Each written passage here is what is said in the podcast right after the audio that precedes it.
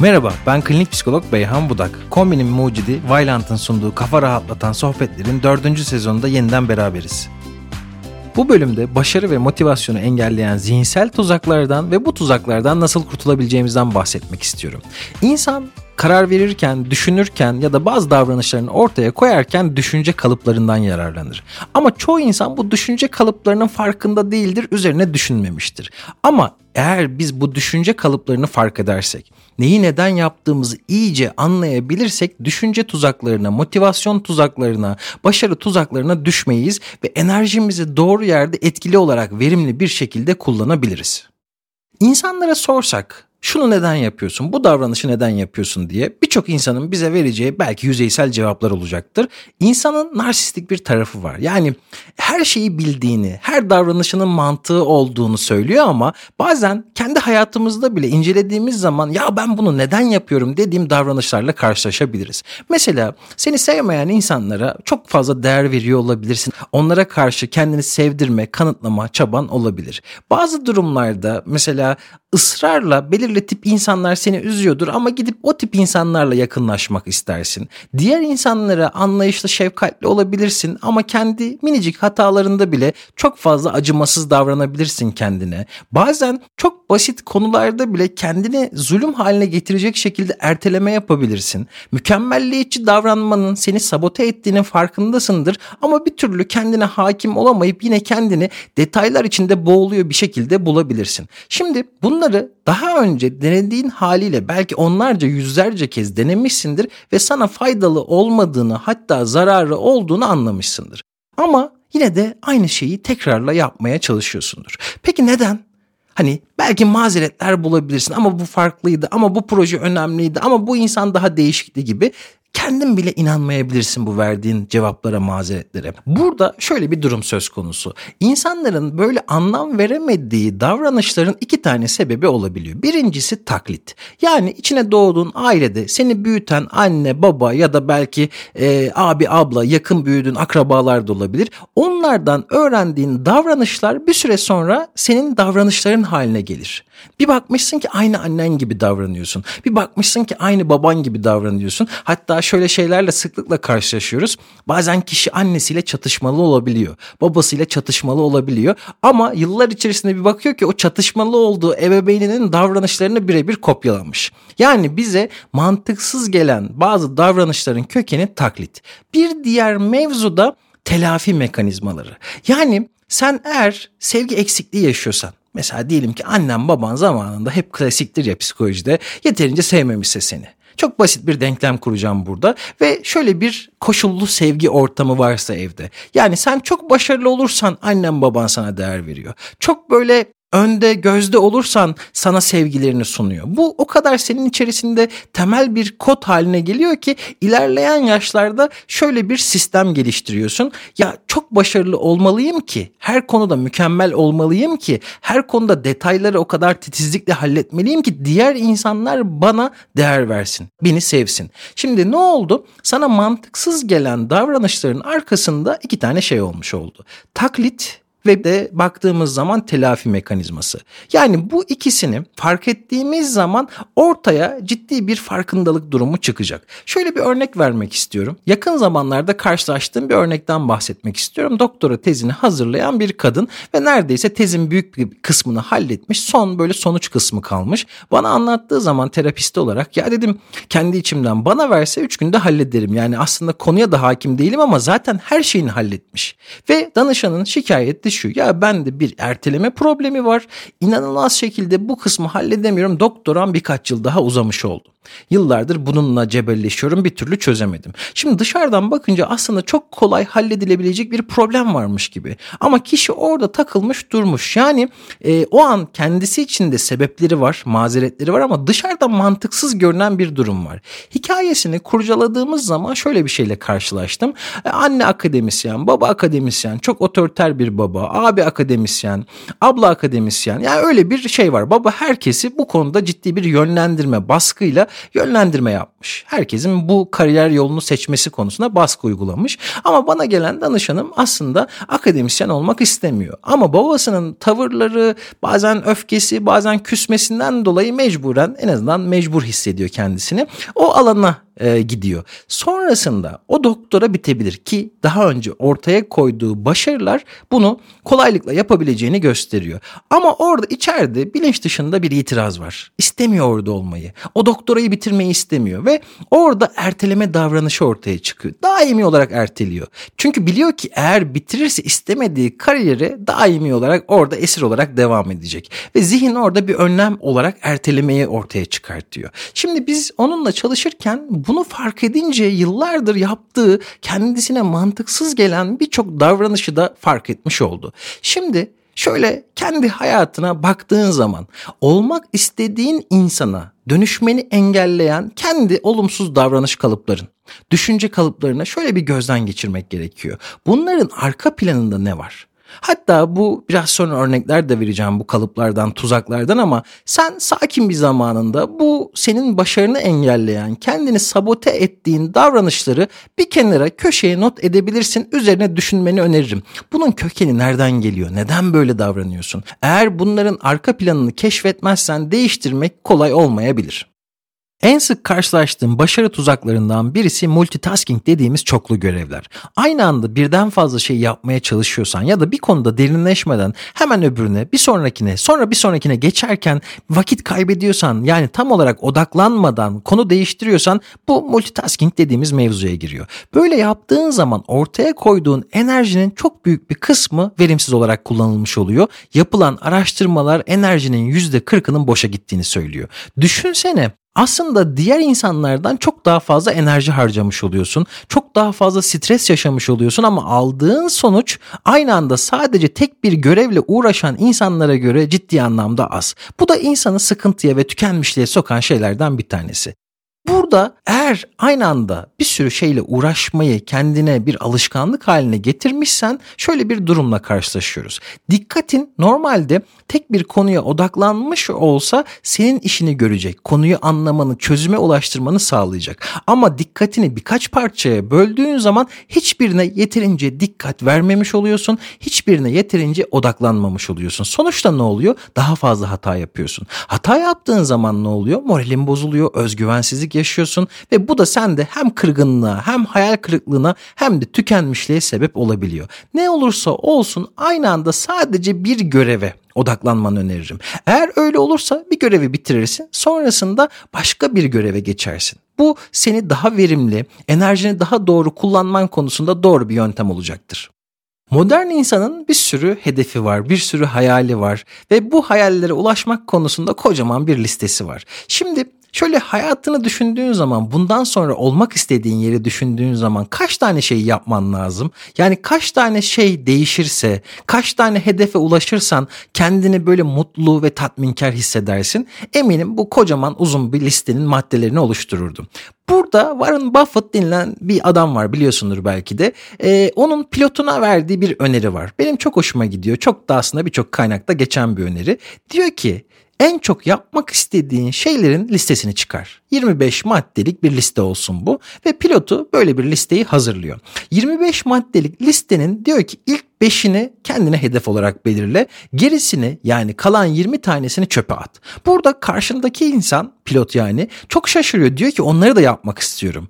O da diyor ki hayır onları istemiyorsun. Onlar sadece senin zihninde kalabalık oluşturuyor. Senin zihninde de böyle kocaman bir kalabalık var. İnsan 25 tane 30 tane 40 tane şeyi yapmak istese de gerçekten yapmak istese de yapamaz.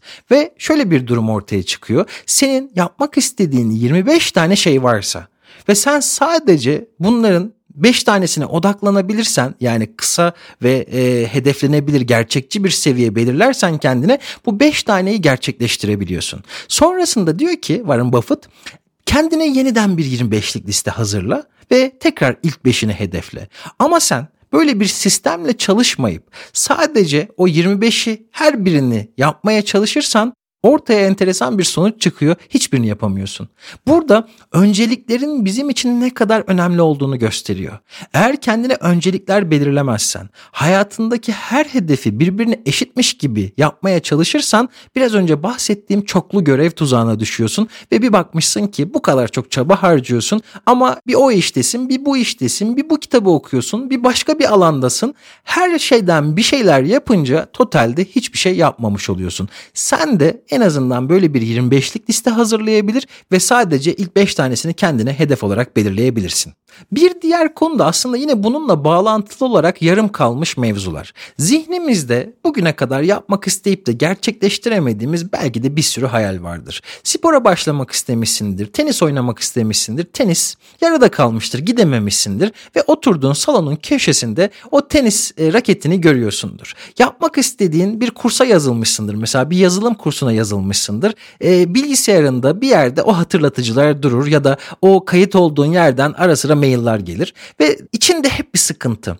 O yapmadığın, yarım bıraktığın her şey senin üzerinde bir baskı oluşturur, yük oluşturur. Şimdi burada insanın zihninin bir özelliği var. Yarım kalmış mevzuları tamamlamaya çalışıyor. Ama o kadar çok şeyi yarım bıraktın ki belki de. Bu arada kendini bu konuda bence suçlama. Hepimizin yarım kalmışlıkları var ve ben e, bir psikolog olarak da maymun iştahlılığı destekliyorum. Çünkü e, her konuyu sonuna erdirmek zorunda değiliz yani deneye deneye e, insan doğru yolu kendisi için bulabiliyor. En sevdiği şeyi, en keyif aldığı şeyi, kendisi için en anlamlı olan şeyi keşfedebiliyor. Ama buradaki hatamız şu. Hani annelerimiz bilmiyorum sizin anneleriniz nasıl ama benim annem öyle hiçbir şey atamıyor. Şöyle onların gardırobuna, yatak odasındaki gardırobuna baksak belki de ta gelinlik zamanlarından kalma eşyaları orada tutuyor. E, ve devamlı evin küçük olduğundan, dolapların küçük olduğundan şikayet ediyor annem. İşte zihnimiz de böyle. Atmaya kıyamıyoruz o yarım kalmış düşünceleri, hayalleri. Şimdi tenise gittin ve bir süre sonra devam edemedin. Yap yapamıyorsun işte. Demek ki o senin hayatında bir karşılık bulmadı. O yazılım kursuna gitmiyorsun, gidemeyeceksin. Belki gücün yetmiyor. Belki o anda ilgi alanını ona veremiyorsun. Kafandaki yarım kalmış mevzulara bir nokta koyman lazım. Ben bunu ya artık yapamıyorum ya benim için uygun değil ya da ben bunu en azından bir sene sonra gündeme alacağım. 2 sene sonra gündeme alacağım gibi net bir tarihle erteleme belirlediğimiz zaman zihnimiz temizleniyor. Ne kadar az yarım kalmış iş varsa zihninde o kadar tertemiz bir şekilde enerjini verimli bir halde kullanabilirsin. Başarı yolunda en sık düştüğümüz tuzaklardan birisi diğer insanların bizim hakkımızdaki düşünceleriyle çok fazla meşgul olmak. Birazcık ince düşünceli bir insansan şunu bekleyebiliyorsun. Hiç kimseyle sorun yaşamayayım. Ben eğer elimden gelen bütün çabaları doğru bir şekilde ortaya koyarsam diğer insanlar da bana şefkatli, iyi niyetli yaklaşır. Kimseyle sorun yaşamam. Hani vardır ya aman Ali Rıza Bey ağzımızın tadı bozulmasın. Kimseyle bir gerginlik yaşamayayım. Kimseyle sorunları olmasın. Ama biz ne kadar iyi bir insan olursak olalım. Biz ne kadar her şeyi en ince ayrıntısına kadar düşünmüş olursak olalım. Biz ne kadar sadık bir insan olursak olalım. Her şeyi doğru düzgün yapmaya çalışırsak çalışalım. Bazı insanlar bizim iyi niyetimizin aksi şekilde davranacaktır. Bazen bize karşı olumsuz yaklaşacaklar. Hiçbir sebebi yokken. Bazen bizi durduk yere haksız yere eleştirecekler. Eğer bu konuda çok hassas olursan, bu konu üzerine çok fazla düşünürsen yani bir süre sonra bıkkınlık gelişebiliyor, küskünlük gelişebiliyor. Diyorsun ki ya ben bu kadar özen gösteriyorum ama insanlar beni bir türlü algılamıyor, anlamıyor, değer vermiyor. Peki gerçekten bu seninle mi alakalı? Yani seninle ben yer değiştiriyor olsaydık, ben yerine gelmiş olsaydım acaba insanlar bana bambaşka mı davranırlardı yoksa aynı şekilde mi davranırlardı? Şimdi genelde insanların bize yaptıkları davranışları kişiselleştirme eğiliminde oluyoruz. Bunun sebebi de şu. Mesela bir problem yaşıyoruz benden kaynaklı. Ben orada olduğum için böyle davranıyor. Halbuki bazı insanlar kıyma makinesi gibidir. Yani sen ondan kahve bekleyemezsin. İçine ne atarsan at, kıyma da atsan, portakal da atsan verdiği sonuç aynı olacaktır. Bazı insanlar narsistiktir. Bazıları çok fazla eleştireldir. Bazı insanlar pasif agresiftir. Bazı insanlar da fesatlık gibi huylar vardır. Böyle şeyler sen olsan başka birisi de olsa değişmez. Bundan dolayı insanların bize gösterdikleri tepkilerin önemli bir kısmının eğer biz bunu hak etmiyorsak ve o tepki anlamsız görünüyorsa kendileriyle ilgili olduğunu anlamak lazım. Şimdi her insanın bir termometresi var. Yani ve sen o insanın termometresiyle kendi değerini ölçmeye başlıyorsun. Diyorsun ki işte onun termometresine göre ben yeterince sıcak değilim, yeterince soğuk değilim. Ve üzülmeye başlıyorsun ya niye öyle diye. Ama o insanın termometresinin doğru çalıştığından ne kadar eminsin ki? Belki o insanın termometresi bozuk. İnsanlar diğer insanları değerlendirirken araya bir sürü parazit girer. Yani kendileriyle ilgili hayal kırıklıkları, kıskançlıklar, kendi sorunları, belki ailevi sorunları, yaşadıkları stres başka insanları ve durumları değerlendirme konusunda objektifliklerini kaybetmelerine sebep olur. Yani her değerlendirme birazcık subjektiftir. Burada şuna dikkat etmek lazım. Bu şu anlama gelmesin. Yani senin gerçek hatalarını söyleyen insanlar ya işte kendi sorunlarından dolayı kıskandığı için böyle diyor diyemeyiz. Ama genel bir anlayış varsa mesela bize birden fazla insan aynı konuda bir geri bildirim veriyorsa olumsuz bir geri bildirim muhtemelen orada bizim bir hatamız var demektir. Ama hiç alakasızmış gibi görünen bir noktada tekil bir olumsuz yıkıcı geri bildirim varsa bu o insanın kendi içinde verdiği savaşı senin üzerinden yapmaya çalıştığını gösterebilir. Ve yine burada eleştiriye karşı çok hassas olmak dediğimiz bir zihinsel tuzak var. İnsanlar bizi eleştireceklerdir. İnsanlar bizimle ilgili olumsuz şeyler söyleyeceklerdir. Bazen bazıları bizim hassasiyetlerimizi umursayabilirler. Ama eleştirinin hayatın özellikle e, profesyonel hayatın bir gerçeği olduğunu anlamak lazım. Diğer insanlar bizi eleştirdiği zaman bazı dostlarımız böyle çok kafasına takıyor. Niye böyle dedi, böyle dememesi lazım. Burada o eleştiri konusunda yapabileceğimiz bir şey varsa yapmalı. Yani olan ne oldu tamam şu anda ben bunu ne yapabilirim, nasıl düzeltebilirim diyebilmeli. Baktık bazı insanların da dünyayla, insanlarla iletişim kurma şekli eleştiridir. Yani o insan belki herkese öyledir, sana da öyle davranıyordur. Çok kişiselleştirmemekte faydalı diye düşünüyorum. Eskiden anne babalar belki 50 60 70 sene öncesinde çok çocukları olsun hatta çokça erkek çocukları olsun isterlermiş. Çünkü köy yerlerinde, taşralarda ne kadar çok kalabalık olursanız o kadar güçlü oluyorsunuz. O kadar çok çalışacak insanınız oluyor. Ama e, sonrasında hayat birazcık daha modernleşince insanlar bu kadar çok çocuk yapmamaya başlıyorlar. Çocuklarıyla daha fazla duygusal ilişki kuruyorlar ve onların hayatta güzel yerlere gelmesi için elinden gelen bütün çabayı sarf edebiliyorlar biliyorlar. En azından birçok ebeveyn böyle davranıyor ve böyle olunca o değer veren ebeveynlerin elinde büyüyünce bazı ebeveynler daha böyle ne derler prens gibi prenses gibi yetiştiriyor evlatlarını. Dünyada her şeyin en iyisine sen layıksın oğlum kızım gibi. Böyle bir ortamda büyüyünce ve bizim adımıza karşılaştığımız sorunları bile ebeveynlerimiz çözünce eğer öyleyse hayatta gerçek sorunlarla karşılaştığımız zaman çok çabuk hayal kırıklığına uğrayabiliyoruz. İşte buna peri masalı tuzağı diyoruz. Hayatta her şeyin kolayca olacağını, her ilişkinin kolayca en güzel noktasına varacağını, başarının çok emek harcamadan tıkır tıkır işleyeceğini zannediyoruz. Hayatın içine atılıyoruz ailemizin o korunaklı ortamından ayrıldığımız zaman. Hayatın içinde bir bakıyoruz ki kendimizden çok emin şekilde attığımız adımların, ortaya koyduğumuz fikirlerin birden diğer insanlar nezdinde hiç de o kadar değerli olmadığını, hatta bazı insanlar tarafından saçma bulunduğunu fark ediyoruz. O anda içimizde verdi. Yoğun bir öfke ortaya çıkıyor. Ya diyorsun nasıl böyle olur? Beni anlamıyorlar. Bu dünya yeteneğin değerini bilmiyor gibi. Ama hayat böyle bir şey. İlk seferinde asla başarılı olamazsın. İlk seferinde fikirlerin gerçekten bu arada inanılmaz orijinal bir fikir bile olsa insanlar ona değer vermezler. Sen anlattıkça, sen ikna ettikçe bir şekilde orada insanlar o fikre değer vermeye başlar. Sen o konuda bir icraat ortaya koyduğun zaman onlar değer görmeye başlar. Ama şöyle düşünürsen ya böyle olmamalıydı. Bir masal gibi olmalıydı her şey. Hayata karşı küsüyorsun. Ben şuna çok inanıyorum. Hayat hepimize yolun başında bir çek veriyor. Ama eğer beklentimiz çok yüksekse diyelim ki ben 100 liralık bir çek bekliyorum. Hayat bana 10 lira verdi. Küsüyorum o anda. Diyorum ki benim değerimi anlamadı. Bu devir, bu zaman beni anlamadı ve küsüyorum. O anda evde ya da kendi sosyal ortamda kendimi kapatıyorum hayat ilerlemeye devam ediyor. Ama ben o durağı, o istasyonu, o saati kaçırıyorum.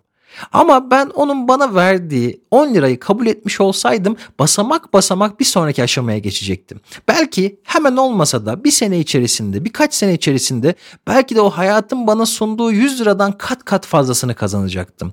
Yani bundan dolayı şunu iyi anlamamız lazım. Hayatta reddedileceğiz.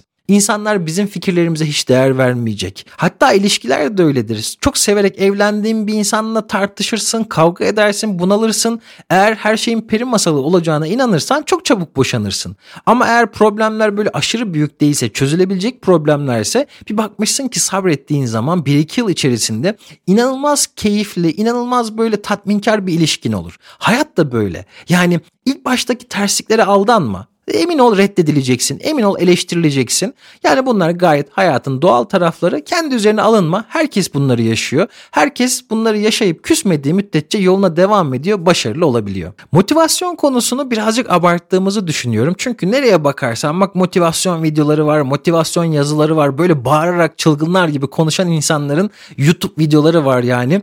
Ee, böyle Allah Allah deyip mehter marşını verip böyle yola çıkasın geliyor. O an için bir gaz veriyor ama bildiğiniz üzere üzere e, gaz ya da böyle büyük adımlarla harekete geçmek bizim için çok uygun olmayabiliyor. Sonrasında sürekliliği sağlayamayabiliyoruz. Şimdi şu motivasyon konusunun üzerine birazcık düşünmemiz gerekiyor. Hayatta her neyi değiştirmek istiyorsak yolun başında ona yönelik motivasyonumuz çok yüksek olur.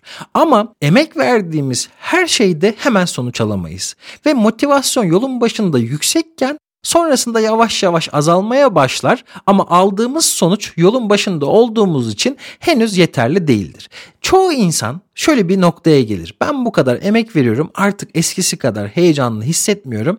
Bu heyecanlı hissetme işim demek ki artık bunu istemediğim anlamına geliyor. O zaman ben bırakayım. Ne oldu o güne kadar ortaya koyduğun enerji verimsiz bir şekilde çöpe gitmiş oldu. Peki hayatın gerçeği böyle mi? Ben mesela sana sigara içme hikayemden bahsetmek isterim. Yani hayatımda sahip olduğum en kötü alışkanlıktı diyebilirim. Yani o her gün bir paket sigara içmek, sabahları kalkıyorsun ciğerlerim ağrıyor, ağzımda kötü bir tat ve ben bunu bırakacağım dedim. İnanılmaz bir motivasyonum var. Böyle çok heyecanlı hissediyorum. Paketleri attım, herkese haber verdim. Ee, gerçekten yükseğim o konuda ve sigarayı bıraktım. Bir hafta geçti, 10 gün geçti ve motivasyonum birden böyle balon gibi yavaş yavaş sönmeye başladı. Aha dedim ne yapacağım ben şimdi? Sonrasında şöyle düşündüm. İnsanlar bir şeyleri değiştirmeye çalışırken acaba her zaman yüksek motivasyonda mı? Mesela bir sınava hazırlanıyorsun, bir master tezi hazırlıyorsun, doktora tezi hazırlıyorsun. Her zaman böyle sabah güllük gülistanlık uyanıp bugün harika bir gün, evet süper hissediyorum bu tezi yazacağım diye mi düşünüyor? Ben öyle olmadığını fark ettim. Dedim ki motivasyon gider ama insan yapması gerekeni yapmaya devam etmeli. Ben ne yaptım? Bu yola çıktım. Sigarayı bırakacağım ve o anda canım sigara çekebilir. Canım eski düzenimi özleyebilir.